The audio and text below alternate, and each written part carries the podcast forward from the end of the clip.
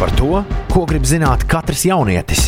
Sarunu platforma Cita domnīca.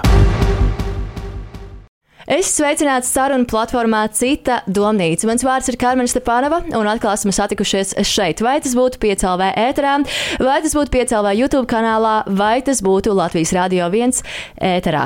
Pirms mēs sākam runāt par to, par ko mēs šodien runāsim, noskaņosimies šīs dienas tematam ar sekojošo sīžetu.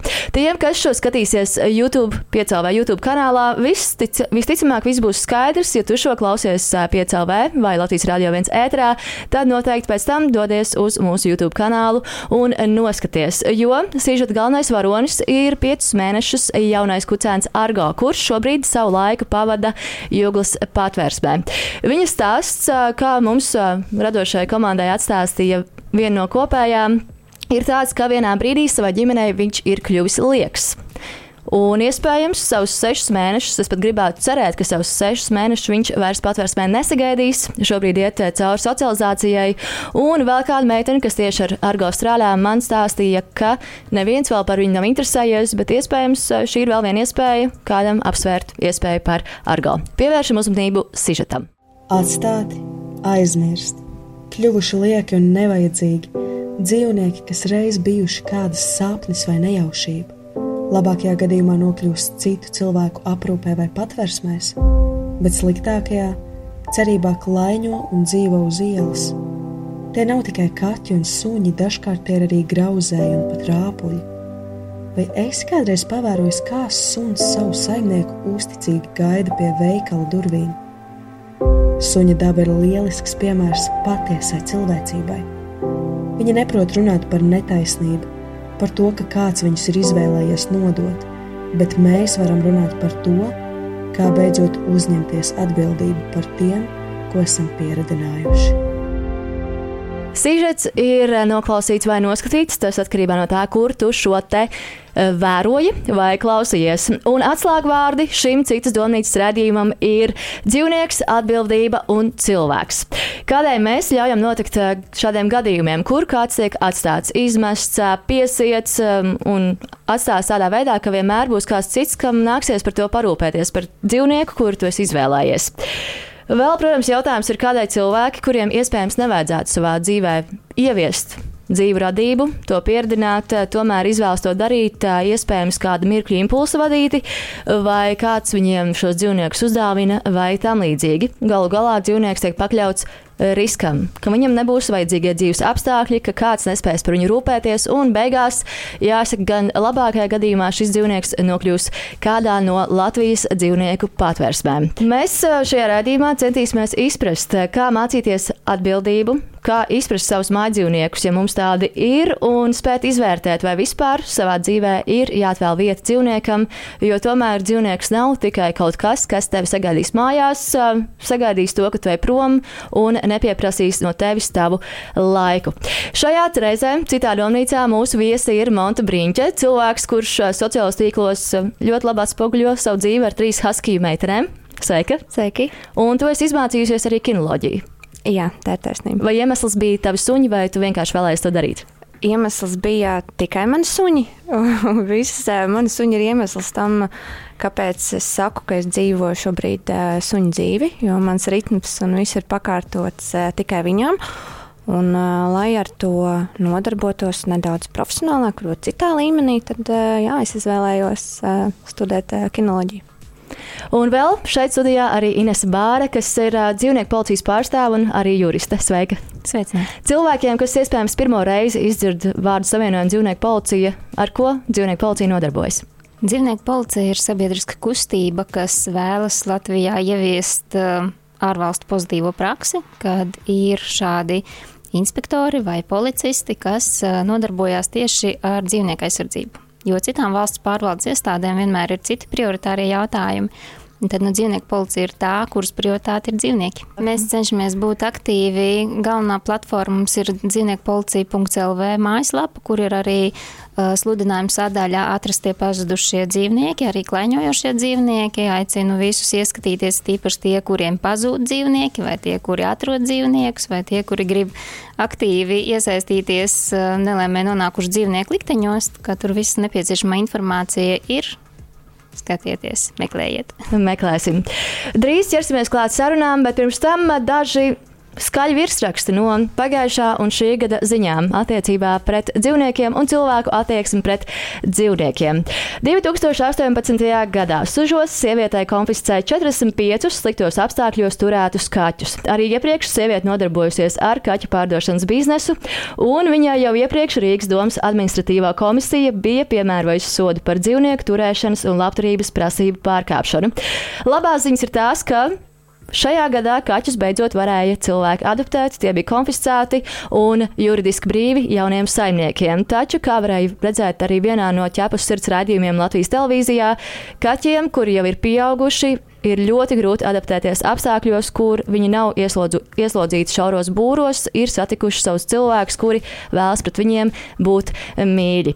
Bet, protams, arī šis gads nav bijis mierīgs eh, dzīvnieku ziņās, un tā arī ziņa no 2. oktobra. Prokuratūra nodevusi Rīgas rajona tiesai kriminālu lietu, kurā par suņa sakropļošanu apsūdzēts jau agrāk par kaķu nogalināšanu tiesāts vīrietis, kas nozīmē to, ka atkal cilvēki, kas ir bijuši vardarbīgi pret dzīvniekiem, ir varējuši vēlreiz kādam nodarīt pāri. Vēl arī suņu ziņa no kāda dzīvokļa pārdagvā tika izņemti 58 antisanitāros apstākļos turēti suņi. Un visbeidzot, 19. februārī patvērsmē meža vairogi no robežu novada nonāca divi nobadināti Staffordšīras terieri. Dzīvnieki vairākas nedēļas bija pamesti dzīvoklī bez ēdiena un ūdens. Jau pirms tam mēs pieskārāmies tam, ka dzīvnieku policija vēlas ieviest labāku praksi tajā, kā sabiedrība izturas pret dzīvniekiem šeit Latvijā, un viens no piemēriem ir Šveice, kurā dzīvniekiem ir pat savs advokāts, kas spēj dzīvniekus pārstāvēt tiesā. Un par Šveicēm par dzīvnieku labturības pārkāpumiem, vardarbību un citām nejaukām lietām cilvēki saņem reālus sodus, nevis simboliski samaksā prasīto naudu un turpina savu darbību. Jā, saskaņā ar Latvijas civil likumu dzīvnieks ir īpašuma priekšmets un uh, tiešām tiek uzskatīts kā lieta civiltiesiskajās attiecībās. Bet izņēmums ir tajā, ka dzīvniekam ir dzīvnieku aizsardzības likums, kas ir speciālais likums, līdz ar to viņam ir augstāks spēks attiecībā uz dzīvniekiem. Un uh, vienīgais dzīvnieku aizsardzības likums arī pārsūta uz civil likumu, pasakot, ka dzīvnieku īpašniekam ir civil likumā noteiktās tiesības un pienākumi. Vai ir kāda virzība, vai mēs varam cerēt, ka nākotnē lietas mainīsies? Mēs ļoti gribētu šo lietu mainīt, jo tomēr kaut arī formāls teikums labāk, ka viņš likumā ir ierakstīts nekā ka viņa nav, un katrs interpretē kā grib. Bet uh, pagaidām šī virzība ir ļoti lēna ņemot vērā, ka mums ir arī citi prioritārie jautājumi, par kuriem vajadzētu ātrāk un steidzīgāk risinājumu atrast, tad civil likuma grozījumi viņi mums ir atstāti kā rezervē, jo visu uzreiz mēs nevaram paspēt. Mums ir tomēr kaut kāda secība jāievēro, kas ir svarīgākais. Jo, nu, piemēram, tā pati dzīvnieku izņemšana un visas administratīvās un krimināla lietas, man liekas, ka tas ir būtiskāk dzīvnieku aizsardzības jautājums, kad tās lietas notiek ātri, ka dzīvnieks cieši aizvien mazāk, ka dzīvnieku var paņemt no īpašnieka, kurš nespēja tik galā ar pienākumiem. Plus vēl mēs ļoti gribam cīnīties vēl joprojām par šo aizliegumu turēt dzīvniekus. Ja cilvēks jau ir sodīts, tad viņam nevajadzētu ļaut turēt dzīvniekus nākotnē. Cilvēks, kurš ir uzņēmies rūpes par vairākiem šiem dzīvniekiem ir eh, arī cits donīts eh, viešņa monta. Kā tu nokļūdis tam, ka šobrīd tev jau ir trīs husky? uh, tas nebija tāds um, mērķtiecīgs lēmums, kad uh, man vajag obligāti trīs suņus. Viņas uh, nonāca nejauši pirmo suni. Mums uh, vienkārši atstāja iepriekšējie saimnieki, un nu, mēs viņu paturējām, jo viņi ir ļoti mīļi un forši meiteni. Un, uh, tad mēs sapratām, ka uh, vienam sunim ir tā nu, paskumi mājās, varbūt, mēs neesam. Un tad, kā es saku, nopirkām viņai māsiņu. Un tad trešā pie mums nokrita no zilām debesīm. Vienkārši vienu dienu pazīstama no patvērsmes, konkrēti no Lūbeles, ar ko mums ir ļoti labas attiecības. Un teica, ka ir atrasta Haskija meitenīte Maskavas ielā pie miskastēm izmesta. Un, uh, viņa tajā brīdī atradās tajā kucēna inkubatorā, jo viņai vēl bija, viņa nevarēja laist pie citiem suņiem, viņa pa maziņu bija. Un ar jautājumu, vai nevar iedot pagaidu mājas, jo nu, es jau te zināšu, kā ar to šķirni apieties. Un es vīram teicu, ka nu, kādas pagaidu mājas, ja mēs ņemam, tad mēs ņemam pavisam, un, un tā mēs dzīvojam. vai cilvēkam ir kāds veids, kā viņš var saprast, esmu gatavs mājdzīvniekam? Jā, noteikti. Pirmkārt, tie turēšanas apstākļi, man liekas, ir vissvarīgākie. Bet ir arī jāapzinās, ka ir dažādas šķirnes. Ir šķirnes, kurām vajag lielāku kustības brīvību nekā citām. Ir jāsaprot, piemēram, ja es dzīvoju dzīvoklī, vai manam ļoti aktīvās šķirnes sunim tas būs pietiekami. Ar tām likumām, man liekas, mums ir noteikts stunda dienā. 30 minūtes divas reizes ir obligāti jāiziet pastaigāties, kas manā skatījumā tādam kaut kādam vācu sunim ir krietni pamaz.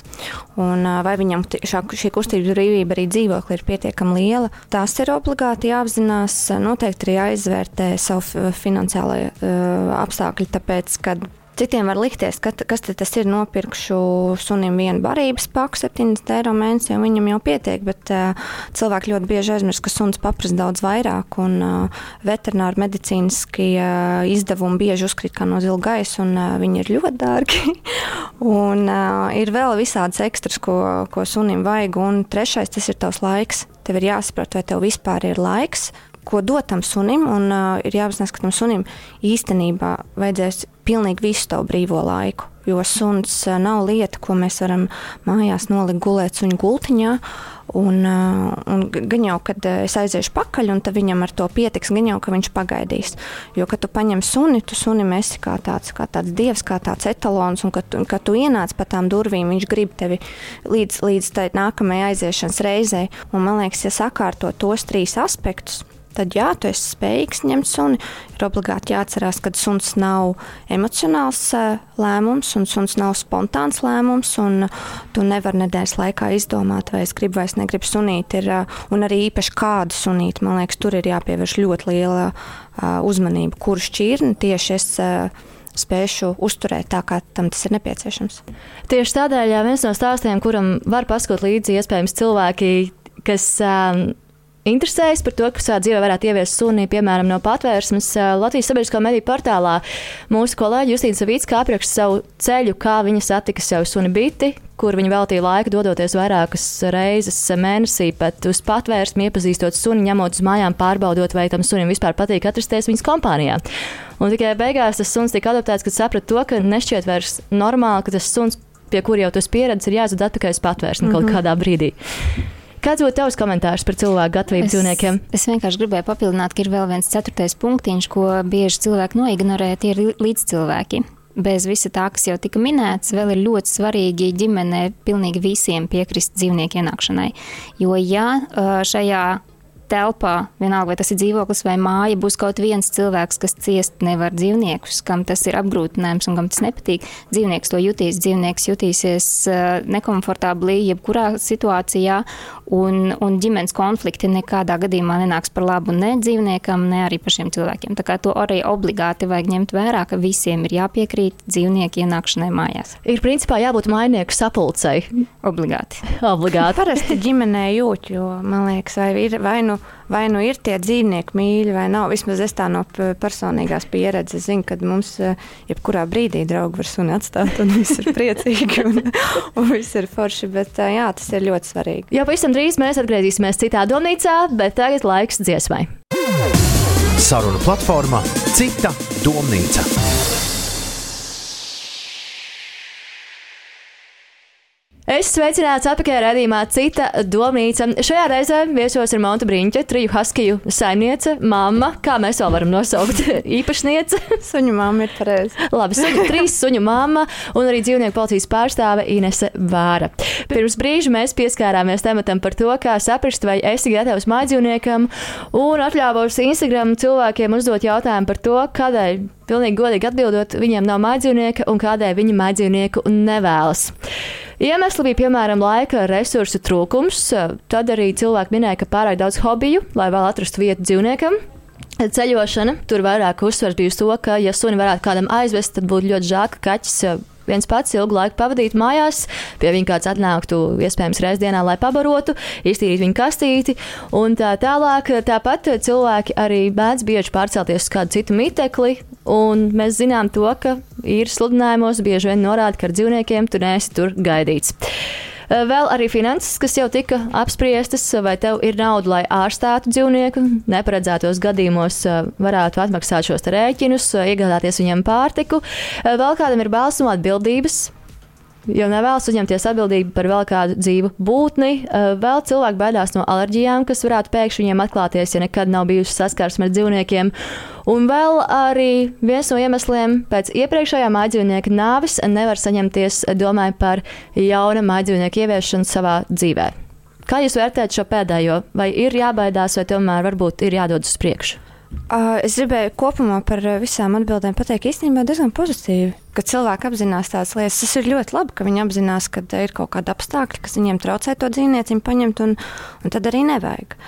Bet par to pēdējo par to, ka tev ir kaut kāda sāpīga palikusi no iepriekšējā dzīvnieka, nu, tas jau ir tāds katra cilvēka tomēr.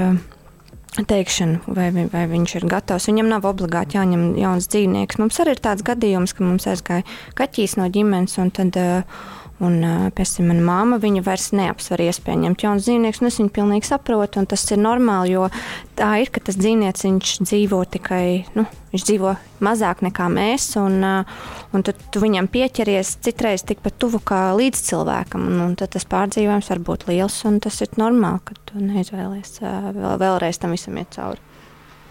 Brīžos, kad dzīvnieku policija atrod šos dzīvniekus, kas ir atstāti, esmu redzējis, ka mēdz būt klāt arī zīmītes kur cilvēki ir uzrakstījuši par to, kādai dzīvnieki nevar paturēt. Vismaz vakar, kad es gāju cauri jūsu Facebook profilam, tur bija zīmīta, šo sunu sauc Zuze. Mūsu viņa atstāja saimnieki, kas pēkšņi pārvācās uz ārzemēm, un mums viņai nav vietas. Tā bija tā piesietā pie sēdes. Jā, jā, jā, jā piesietā pie sēdes. Nu, tā ir tāda cilvēka gļēvulība. Uh, viņam ir bail pašam aizbraukt uz patvērsni un šo jautājumu atrisināt pieklājīgā veidā un tādā veidā, kas radītu mazāk ciešanas dzīvniekam. Un, uh, nu, tā zīmīte neko neatrisina. Suns jau no tā uh, nekļūst laimīgāks, ka viņš ir atstāts kaut kur piesiets. Protams, ka ir labi, ka cilvēks neaizved viņu kaut kur dziļi mežā, nepiesien tur, kur viņu neviens neatradīs, bet nu, ir jārēķinās ar to, ka šāda zīmīte tikai parāda uz nespēju risināt jautājumus. Nu, tas ir sirdsapziņas jautājums tik un tā, karma neviens nav atcēlis. Īstenībā tas ir likuma pārkāpums, tāpēc ka tāpat dzīvnieku aizsardzības likums paredz, ka dzīvnieku nedrīkst atstāt uh, bezpalīdzīgā protams, situācijā. Protams, ka tā ir cietsirdība pret dzīvnieku atstāt Jā. viņu. Es, es vairāk minēju par tiem salīdzinājumiem, ka viņus var atstāt kaut kur neapdzīvotā mm. vietā un var iemest kanalizācijā un vāku pa virsu, var, var nosist vienkārši, jo mums ir ļoti daudz gadījumu, īpaši lauka apvidos, kad dzīvnieks ir apnicis vai arī pēkšņi es konstatēju, ka dzīvnieks daudz ēd un vienkārši viņu nosit un nosit ne tādos labākajos veidos. Tā kā tad jau labi vismaz, kad ar zīmīti un labi, ka publiskā vietā. Un tad arī pēc tās zīmītes vienīgais, kas ir absolūti skaidrs, ka tam dzīvniekam nav jāmeklē vecie saimnieki. Tas gan tas ir vienīgais patversmē plusiņš par to, ka viņi skaidri zina, ka šis dzīvnieks ir uzreiz jau dodams adopcijai. Kā ir ar šo saimnieku meklēšanu? Vai to dara dzīvnieku policija vai tomēr patvērsme? Kā notiek šis process? Dzīvnieks ir atrasts, viņam ir čips, iespējams, tas nav reģistrēts. Lūdzu, reģistrējiet savu dzīvnieku čipus un lieciet klāt savu vārdu un pareizo telefonu numuru. Bet, ja nav, nav nekādas iespējas Vai neceļ telefonu, piemēram? Šeit ir tā situācija, ka dzīvnieku policija veic daļu no pakalpojuma tikai dzīvnieku izķeršanu un nogādāšanu patversmē. Otrs pakalpojums ir patversmē, Rīgā tā ir ulubele, kur uh, dzīvnieks tiek nogādāts. Ja mēs tā ciparos nopaļojam to skaitu, nu, lai būtu aptuveni skaidrs, kāda ir situācija ar suņiem, tad mēnesī līdz simt suņi ir izķerami. Uh, nu, tas arī paredzēts pēc pakalpojuma plus 30 no šiem suņiem, nevis plus, bet uh, no šiem 100 suņiem 30 uh, eh, aiziet uz mājām turpat notikuma vietām. Tad, ir mikroshēma un ir reģistrs, uzreiz ir sazvanāms saimnieks, un suns uz patvērsni vispār nenonāk. Uh, no šiem 70 palikušajiem vismaz pusēji ir čips, kurš nav reģistrēts, un otra puse ir vispār bez nekā. Un tad, tad, jā, tad nav pilnīgi nekādas jēgas, ka cilvēks ir ieguldījis naudu šajā mikročipā, un pat pasas dzīvniekiem beigās ir, bet, diemžēl, datubāzē viņš nav ierakstījis uh, šo savu mīluli. Vēl viena problēma ir arī tas, ka datubāzē ir novecojusi informācija. Cilvēks ir ielicis tur nederīgu e-pastu, tur ir telefons, uz kuru viņš vairs neatbild, un mēs esam meklējuši saimniekus caur policiju. Diemžēl policija mums atsaka šādos jautājumos. Nu, ko nozīmē atsaka? Vienkārši saka, rakstiet iesniegumu. Un beigās uh, paiet pat uh, vairāk mēnešu. Dzīvnieks sēž patversmē ar reģistrētu mikročipu ar zināmu saimnieku, un policija pasaka, ka viņi nevar atrast cilvēku mazajā Latvijā. Tāpēc arī nu, es saviem suņiem lieku koloniņus ar savu tālruņa numuru un uh, vārdu. Un, uh, nu, tie, kas pazūd no datubāzes, tie nav apzinīgi saimnieki. Kāds koloniņš viņš suni ir izlicis ārā. Tas tāda primārā, nu, pašam sev tāda primārā drošība, kad, jā, kamēr viņi atradīs vēl, nu, kāds var tur nolasīs to mikročipu, tad vismaz ir koloniņš, kur uzreiz ir tas cilvēks, kurš atrod, var vismaz piezvanīt, tas man liekas tā. Un arī tas smuki izskatās. Jā, var izvēlēties, kādā Jā, krāsā krāsins. vēlas un formā un tam līdzīgi. Jautājumam par patversmēm šajā raidījumā esam pievērsuši uzmanību vairāk kārt. Tagad laiks iepazīties arī ar radošās komandas sagatavoto infografiku par to, kāda ir situācija dažās no Latvijas dzīvnieku patversmēm. Kā pirmo mēs redzam Ulubeli, paldies Ulubelai par sniegto informāciju, kur pastāvīgi uzturas ap 500 dzīvniekiem - 300 kaķi, 200 suņi. Vēl Ulubela dalījās arī pārdomās par to, kāda ir šī situācija, ka valstī nav saskaitīti esošie mājdzīvnieki, apzīmēti un reģistrēti valsts reģistrā. Nav iespējams konstatēt saikni par to, kura persona ir atbildīga par konkrēto dzīvnieku, par to mēs jau runājām.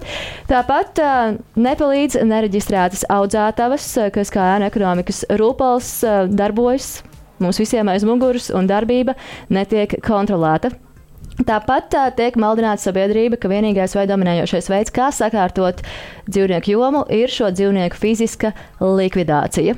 Vēl informācija arī no dzīvnieku patvērsmes labās mājas, kas atrodas Juglā. Patvērsmē dzīvniekiem tiek nodrošināta pagaidu mājvieta vecumam un veselības stāvoklim atbilstoši, arī barošana, veterināra medicīniskā aprūpe, vakcinācija, sterilizācija un rehabilitācija, kā arī mikročipēšana.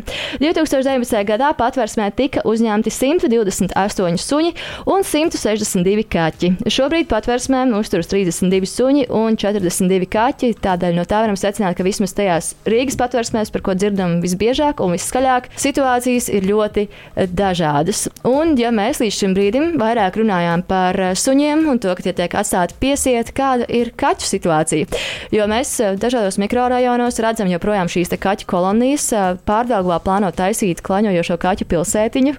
Vai cilvēki zvana par kaķiem, kas vienkārši klāņo pie viņu mājām?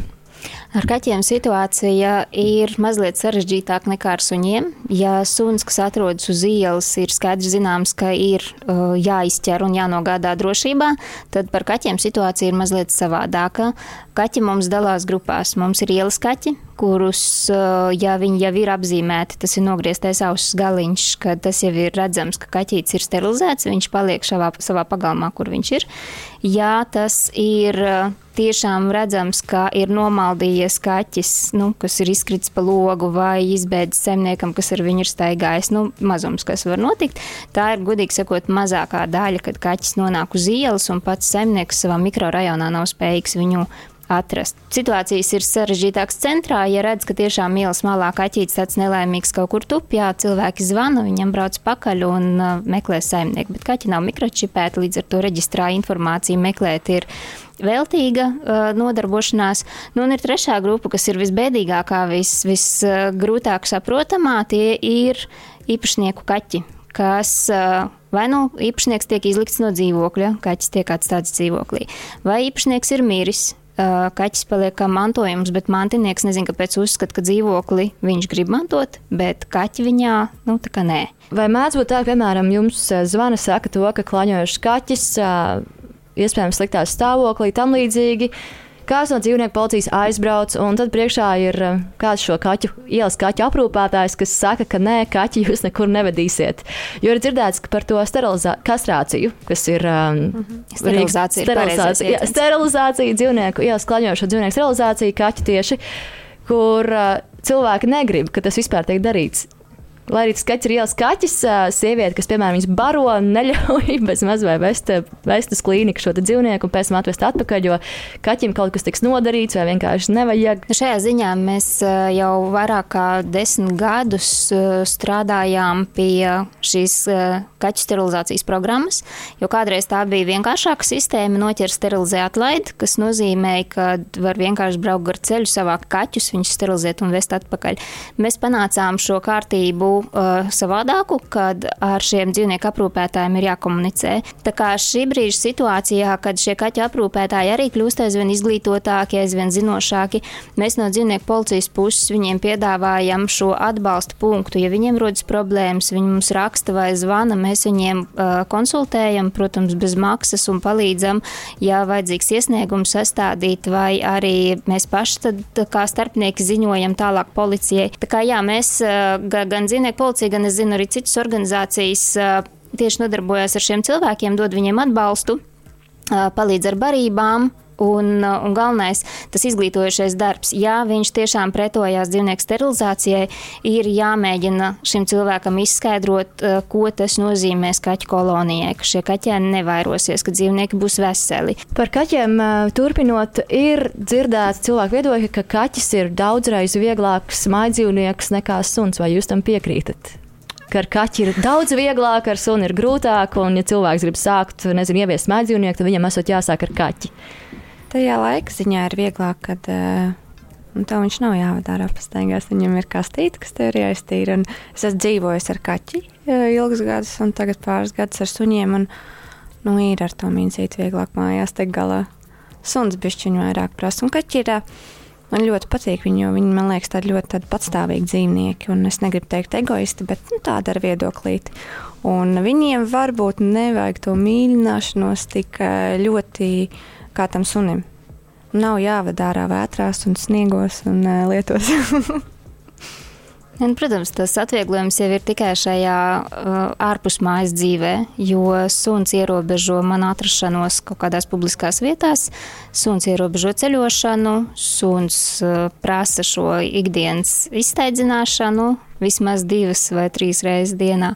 Nu, kaķis tādā ziņā, bet es redzu cilvēki, kas tur kaķus un ar saitītēm viņus ved ārā. Viņi jā, daudz maz ievēro suņa ritmu. jā, un, un atkarīgs ir tiešām no cilvēka vēlmes ieguldīt laiku šajā dzīvniekā. Nu, negribētos jau teikt, ka uh, labāk sākt ar kāmi. Gudīgi sakot, ja cilvēks nav gatavs dzīvniekam, labāk nesākt ar dzīvu būtni vispār. Bija taču tur kaut kādi Pokemon un Pikachu, kurus varēja savā datorā vai telefonā mm. nobēdzināt, un, un tad, tad Sāk jau tad vismaz kaut kāda kompjutera grafika ir mirusi, nevis, nevis dzīva būtne, vai arī nu, tiešām paņemiet kaut kādu kaktusu. Nu, tas, tas arī. Pirmais teiks ir kaktus vai kaktus izdzīvo, nākamais ir nedaudz nopietnāks augs, un tad var sākt apsvērt domu. Kaut gan es pati esmu no tiem, kam kaktus var nomirt, bet dzīvnieki dzīvo tīri labi. Ir jau arī tevis minētie kāmji, ir jūras cūciņas, ir truši tas dzīvnieku arsenāls, ko cilvēks var ievest savā mājvietā, ir diezgan plašs. Par tiem kāmīšiem un dagūņu jūras cūciņām kā tādām kā maizīnieks uzskatu, ka tas vispār nav piemērots maizīnieks, jo es neuzskatu, ka varbūt jā, tas kāmītis neiet tik ļoti uz tevis komunikāciju vai ko, bet nenozīmē, ka viņam arī nevajag plašums. Un īpaši džungārijas pundurkāmi, kuru dabiskā vidē ir tuksnesī, vai tiešām viņam ir jādzīvo gads vairāk zooveikals katlogā, kur viņš vispār neredz saules gaismu, un tad pēc tam atlikušais tur gads vai divi ir jāpavada. Viņ, manuprāt, tas ir salīdzinoši mazs būrs, ņemot vērā kādus attālums viņi spēja pārvietot. Nu, tas tā. Un arī par viņiem ir jārūpējas. Ir jātīra būri, ir Jā. jādod ēst, ir arī finanses. Reizes nedēļā jātīra jā. tas būrīts. Un, uh... Un, ja netīri, tad ir slikti. Jā, tad, ir, tad ir vienkārši slikti. Mēdz būt arī tā saucamie vasarnīcu dzīvnieki, kas tiek paņemti laikā, kad cilvēki ir devušies uz vasarnīcām un pēc tam vienkārši atstāja to suni vai to kaķi, dodoties atpakaļ uz pilsētu.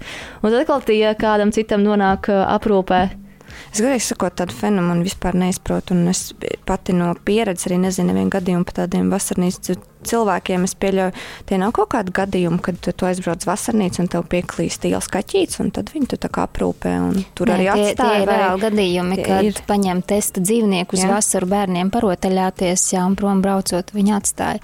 Tā kā mēs daudzus gadus atpakaļ sākām tieši salkrastos ar kaķu sterilizāciju, tad mēs uh, ar vietējiem iedzīvotājiem ļoti daudz šīs situācijas redzējām un dzirdējām visus stāstus, kā šie kaķi tur paliek, jo, nu, salkrasts ziniet, kas ir vai nē, rīdznieku vasarnīcas. Un, un, un tālāk šīs kaķu kolonijas vienkārši vairojās uh, lielos apjomos. Un, uh, Es pat eh, es arī nespēju saprast, kas cilvēkam galvā var notikt, lai viņš kaut ko tādu darītu, bet tādiem žēl ir uh, ļoti bieži sastopama praksa, kad šie dzīvnieki tiek atstāti. Un no savas pieredzes es zinu par cik uh, mana māma arī dzīvo tādā rajonā, kur netālu ir vasarnīcas, un viņai ziemā ir bijuši pat 20 kaķi, kas atnāk uh, uz ziemas laiku baroties, jo Saimnieki ir aizbraukuši, kaķi ir palikuši. Uh, no vienas puses ir labi, ka ir kāds cilvēks uz vietas, kas par viņiem rūpējas un viņus baro, bet sliktā ziņa ir tā, ka saimnieks pavasarī atbrauc un paskatās, nu, re, nu, kaķis taču var dzīvot bez cilvēka, viņam taču ir peles, viņš taču medī, viņš taču var paēst un padzert pats, un kur vispār ir problēma. Un cilvēkam vispār ne, ne, nepielēc tas, ka viņš ir izdarījis noziegumu pret dzīvnieku, viņš viņu ir pametis.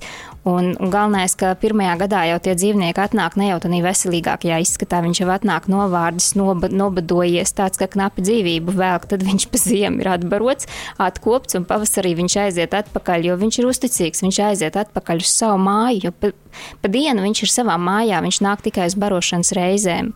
Nu, ta, tas ir. Tas ir vienkārši cilvēku. Es pat nezinu, kā to nosaukt. Es domāju, ka mēs uz to jautājumu īsti arī nevaram atbildēt. Tas varbūt ir vairāk eh, jautājums psihologiem, kāpēc cilvēki tā rīkojas. Turpināsim pēc brīža rādījumu citu domnīca. Tagad laiks mūzikai. Saruna platformā Cita domnīca.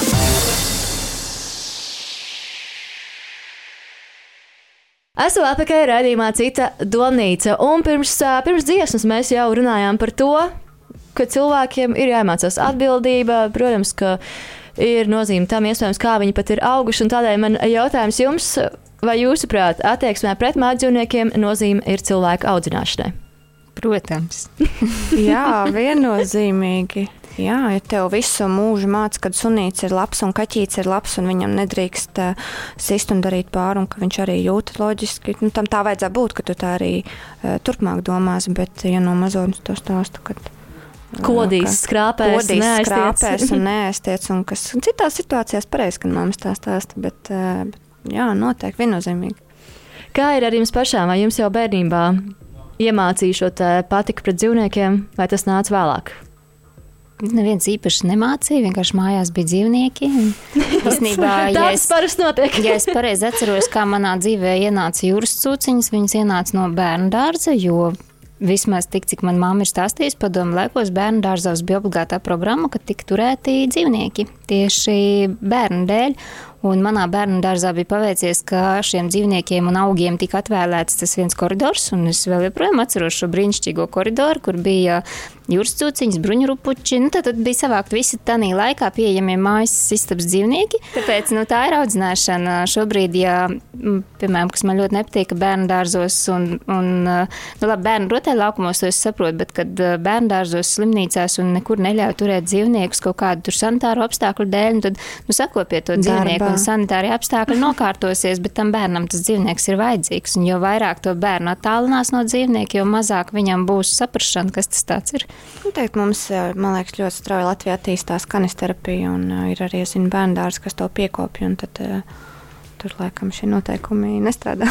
bet, uh, bet tas ir pozitīvs tendence. Kad, uh, Ne, pa, pamazām tā loma mainās, jo pat es lasīju kaut kādus noteikumus, kad, nu, piemēram, ir vispārējais noteikums bērngārzos aizliegts turēt tos pašus suņu skaļus, nu, it īpaši par kaķiem.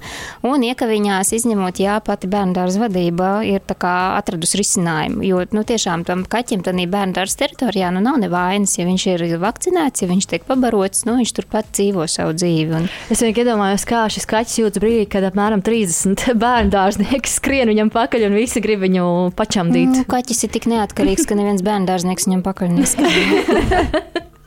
Tur ir ļoti skaidri nokārtotas šīs robežas, ko drīkst un ko nedrīkst. Tā arī ir audzināšanas sastāvdaļa, ka dzīvniekam nevajag basties virsū, nevajag ar savu mīlestību likt uh, dzīvniekam ciest, jo Man, piemēram, ļoti patīk šis filozofiskais aspekts par uh, dzīvnieku antropomorfizāciju. Šausmīgi gudri pateicis, bet ideja tajā, ka mēs cilvēciskojam dzīvniekus. Mēs viņiem piedēvējam īpašības, kuras viņiem faktiski nemaz nav. Mēs viņiem piedēvējam tādas jūtas, kuras viņi neizjūt. Un... Ar citu, jā, zoopsiholoģijā tam ir termins uh, Disneja suns tā arī viņus sauc Disneja suns. Tas ir tāds tendence, kad uh, cilvēks piešķir dzīvniekam uh, morāli, kad viņš saprot, kas ir labs un kas ir slikts, un piešķir tādu Disneja tēlu. Un tu gaidi, ka viņš kaut ko darīs. viņš atsakās, un tajā brīdī tev ir tāds labi. Mēģināsim ar citu. Bet lūdzu, tā nedarām un neliekam saviem retīvariem spēlēt basketbolu. Vedam viņus uz suņu skolu un skatāmies, varbūt, kādas viņam ir spējas. Talanti. Un, talanti, un tad attīstam tos jau pie suņu treneriem. Tā gan var darīt. Nu, un savus komisārus rēkšus neliekam viņiem lekt caur stiklu. Jā. Jā, jo tā laikam bija cukurkārtiņš, ar kuru viņš leca nevis īsts. Jā, tā bija. Runājot par bērniem. Bērni izaug, viņi kļūst par jauniešiem, iespējams, sāk dzīvot atsevišķi no vecākiem un saprot, es gribu dzīvnieku. Vienkārši impulss, es arī gribu dzīvnieku, es gribu savu mājdzīvnieku. Kādas iespējams varbūt biežākās kļūdas, ko jaunieci var pieļaut paņemot mājdzīvnieku? Pirmkārt, ko es izteikti redzu jauniešu vidū, kad viņi izvēloties suni, vērtē viņu tikai pēc izskata. Un tas ir primāri, ko nevajadzētu darīt, jo suns ir jāņem pēc, eh, pēc tam viņa īpašībām, kas viņam ir nepieciešams. Un tad uh, tev ir jāsaprot, vai tu varēsi nodrošināt visas šīs īpašības, apmierināt visas šīs vajadzības. Uh, nevis izvēlēties sunu pēc izskata, bet suns ļoti bieži mums ir uh, ir vai, vai dekors, vai iziet sabiedrībā, vai Instagramā atrādīties, ka tur viņš ir tāds un tāds, bet tas ir pirmkārt, kas ir ļoti nepareizi. Tas ir iemesls, kāpēc ļoti daudzi medību šķirnes suņi nonāk dzīvokļos un uh, izposta dzīvokļus. Tie paši husky, kas ir uh, ļoti populārs dēļ sava izskata, uh, arī nonāk pie nepareiziem cilvēkiem, kur viņus paņem dēļ šīm zilajām acīm vai skaistā kažociņa. Manuprāt, tas būtu tāds galvenais, varbūt, ir ko piebilst. Nu, mēs no savas puses eh, vienmēr aicinām cilvēkus doties uz patvērsni par brīvprātīgo, jo pirmām kārtām tas eh, atvieglo tiem cilvēkiem izlemšanu, kas, kas nu, uzskata, ka viņi neturēs dzīvnieku, jo viņiem nav laika, nav tas, nav šīs.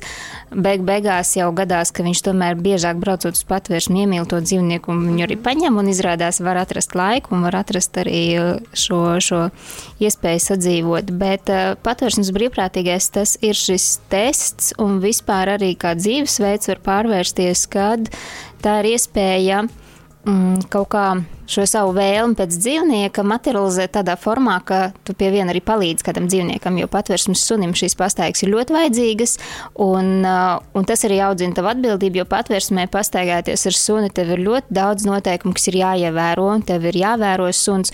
Un tad es domāju, ka pēc kaut kādām vairākām tādām pastaigas reizēm ļoti smalki galvā viss sakārtojās, ko tas patiesībā prasīs, un ka pastaigta tas nav vienkārši plezīrs, ka es izgāju ārā un padusēju turēju sunīti, īpaši haskiju. Pamēģināju ielikt viņu padasē.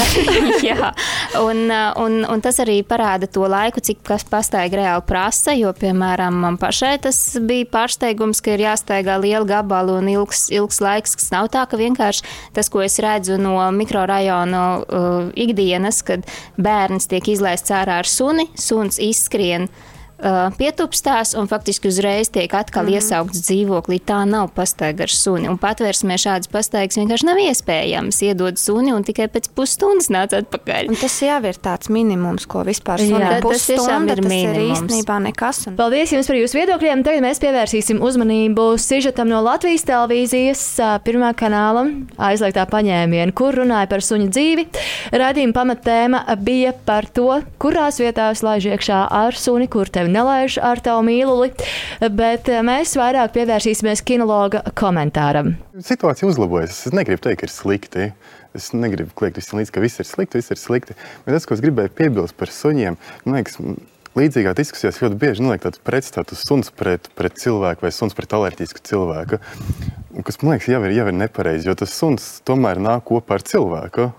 Un, Un cilvēki pēc tam ņem suņus ne jau vienkārši, lai viņš būtu. Viņi ņem, lai viņi aktīvāk staigātu, ņem, lai bērniem ir bērni kopā ar suņiem aug. Ir sen daudz pierādījumu, ka, ja ģimenē ir suns, tad ja bērni ir veselīgāki. Nu, kaut vai tāpēc vien, ka biežāk staigā. Un, uh, no vienas puses tas ir labi, no vienas puses ļoti daudzi arī ārsti, psihologi ļoti daudzi iesaka cilvēkiem ņemt suņus. No vienas puses iesakām, no otras puses mēs sabiedrībā nonākam tāpēc pretējo, ka jā, tev ir suns, bet tā ir tā problēma, nekur tu iet nevari. Ka... Jā, mēs dzirdējām Valmieras stāstu. Nu, kā nodeva ir pat. Bet patiesībā tu bez mazliet nekur nevar staigāt ar to sunu. Paldies Latvijas televīzijai par viņu raidījumu. Iesaku to noskatīties katram, kur interesē, vai ar suņiem pilsētā var sadzīvot citi cilvēki, un iestādes un viesnīcas, un kas tik vēl ne. Bet mēs turpinām citu domnīcu ar sekojošo.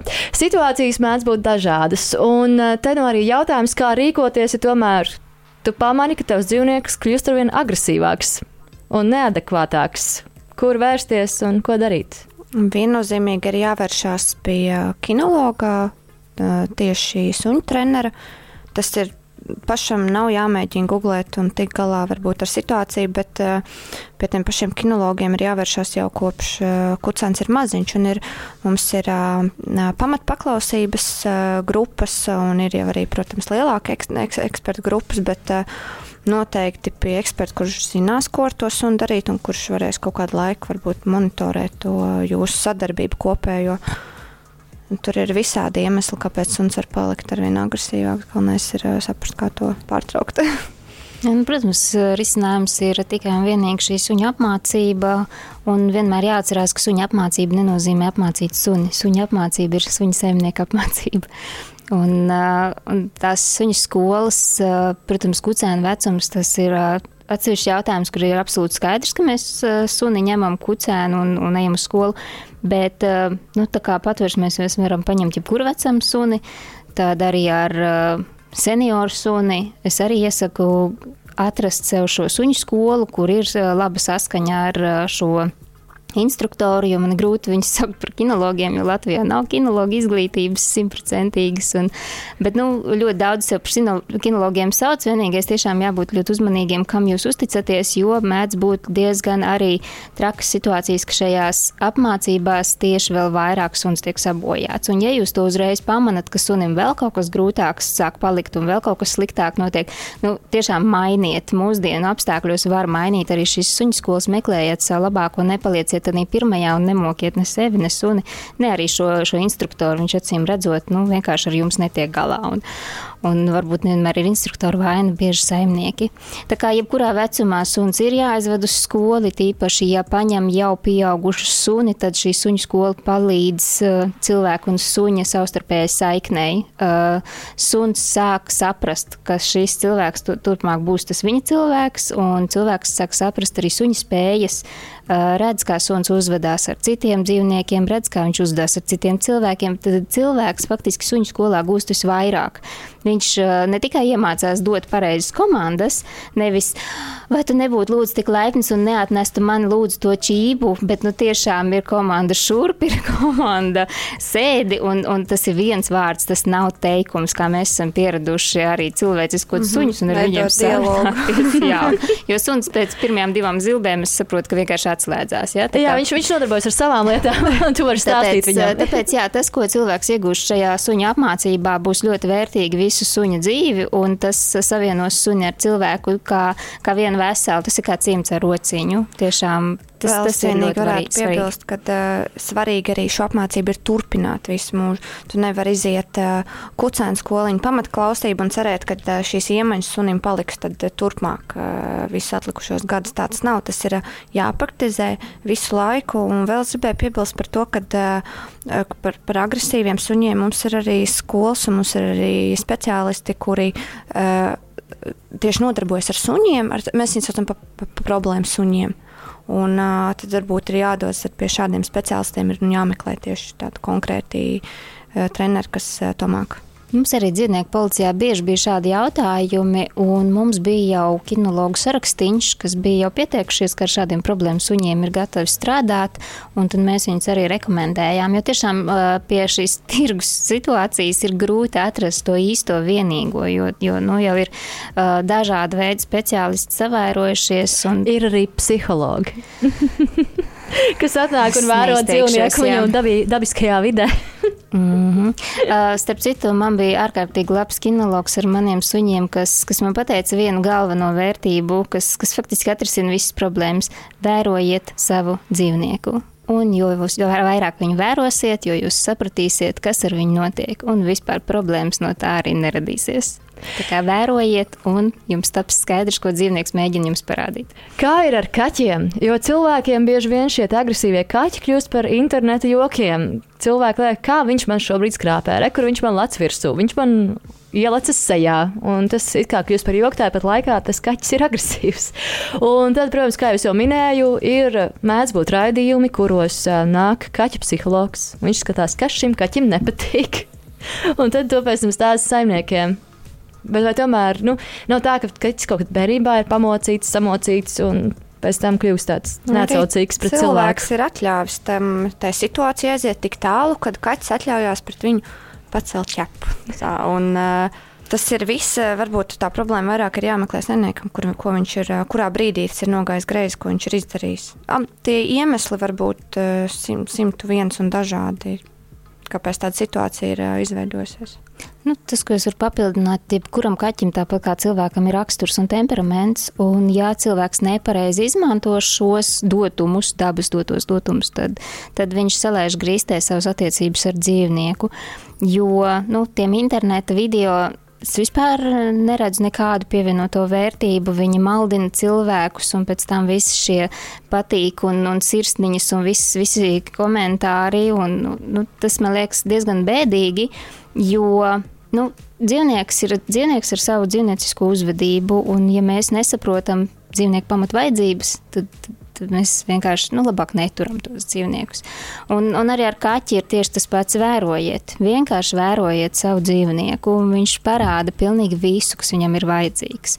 Nu, ja cilvēks nespēja saprast, nu, nu tiešām tagad ir tik daudz literatūra, ir tik daudz iespējas dažādos fórumos, nu, lieniet iekšā, komunicējiet ar līdzīgiem. Un, un, nu, tur, tur, tur, tur gan es arī nevaru teikt, ka visi padomi ir ārkārtīgi vērtīgi, bet nu, analizējiet. Dažus var izmēģināt. Dažus var izmēģināt, bet ne visus, jo nu, par tabletes došanu vien jau ir cik daudz jau joki aizgājuši, kā kaķim iebarot tableti. Nu, lūdzu, to gan nemēģināt, jo nu, tad nabaga dzīvnieks vienkārši cieš no jūsu eksperimentiem. Finālā viņš ir traumāts, viņš kad vairs nedosies rokās, jo viņš domās, ka visu laiku būs tā.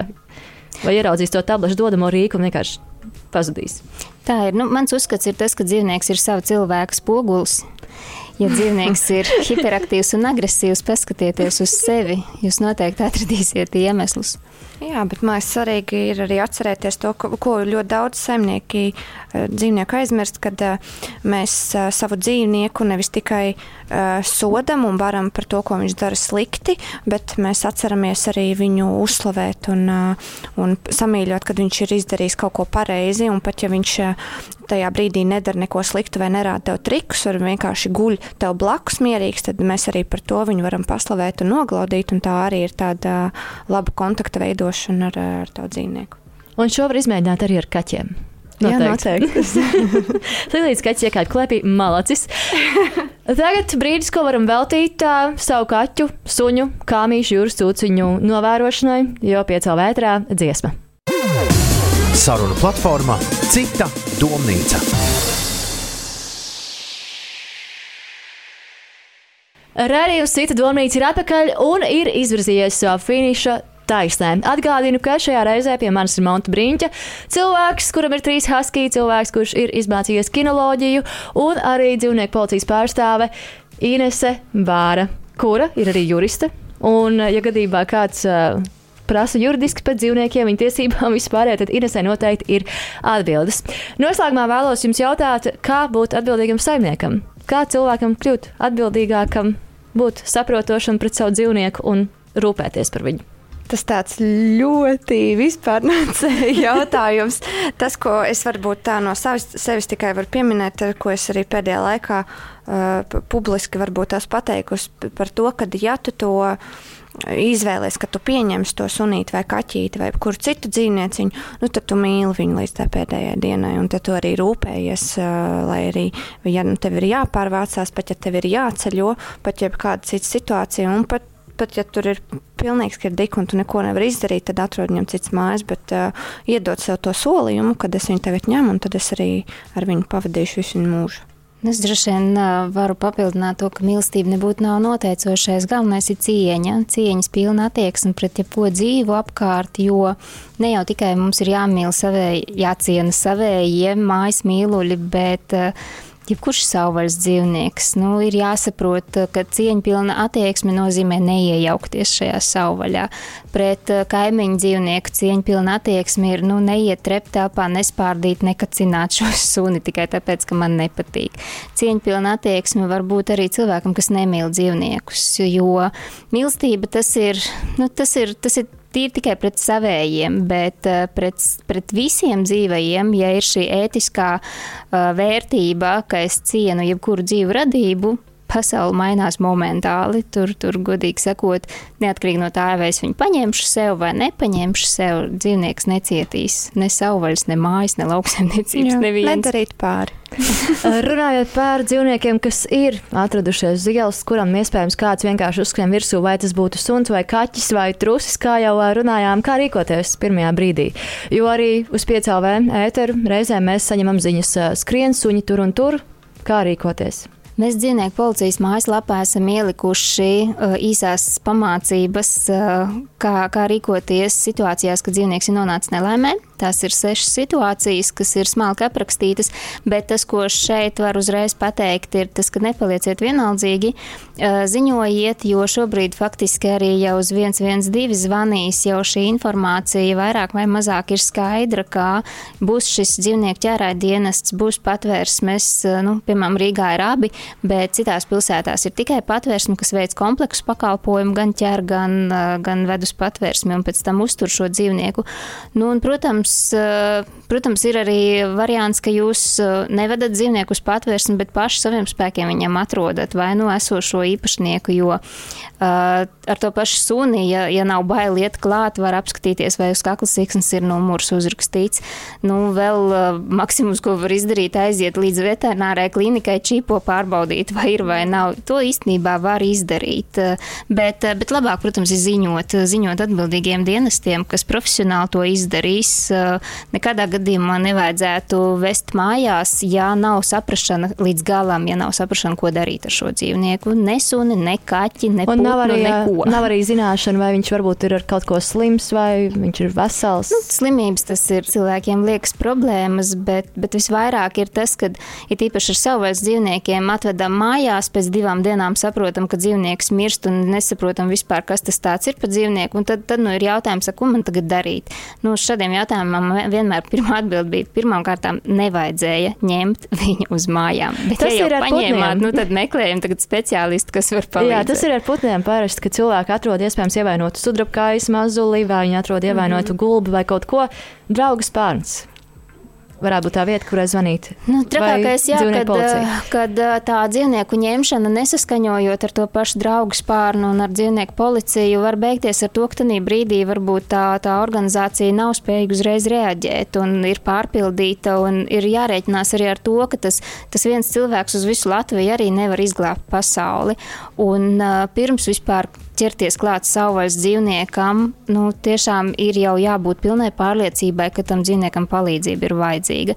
Es gan vairāk minēju piemērus par ēžiem, kurus arī stiep mājās un pēc mm. tam brīnās, ko tagad man tam mezim dot ēst. Nu, nu, galvenais ir, nu, nes viņu atpakaļ, bet īstenībā nu, tu jau viņas apgrābstīs, nu, nu priekš kam tu to darīji. Un tā, tā nesaprātīgā rīcība, tas jau ir vēl, vēlreiz attieksme pret dzīvnieku, kāpēc mēs to darām faktiski jau tā ir egocentrisma izpausme. Mēs, mēs glābjam savas sirdsapziņas pēc kaut ko esam izdomājuši. Paldies jums! Būsim uzmanīgi, gadījumā paši nesaprotam, vajag mums dzīvnieku vai nē. Varam, kā jau šeit tika runāts, doties uz patvērsmēm, iepazīties ar viņiem. Kaķus arī var mēģināt kaut kādā veidā aplūkot kaut vai caur logu un saprast, vai būs vai nebūs. Un cienām tos, kas ir ap mums dzīvās radības un staigājošās radības un visādas citādas radības. Paldies jums! Paldies citas Donītas radošai komandai un paldies arī šīs reizes viešņām! Paldies! Paldies! Atā un vislabāk! Saruna platformā Cita domnīca.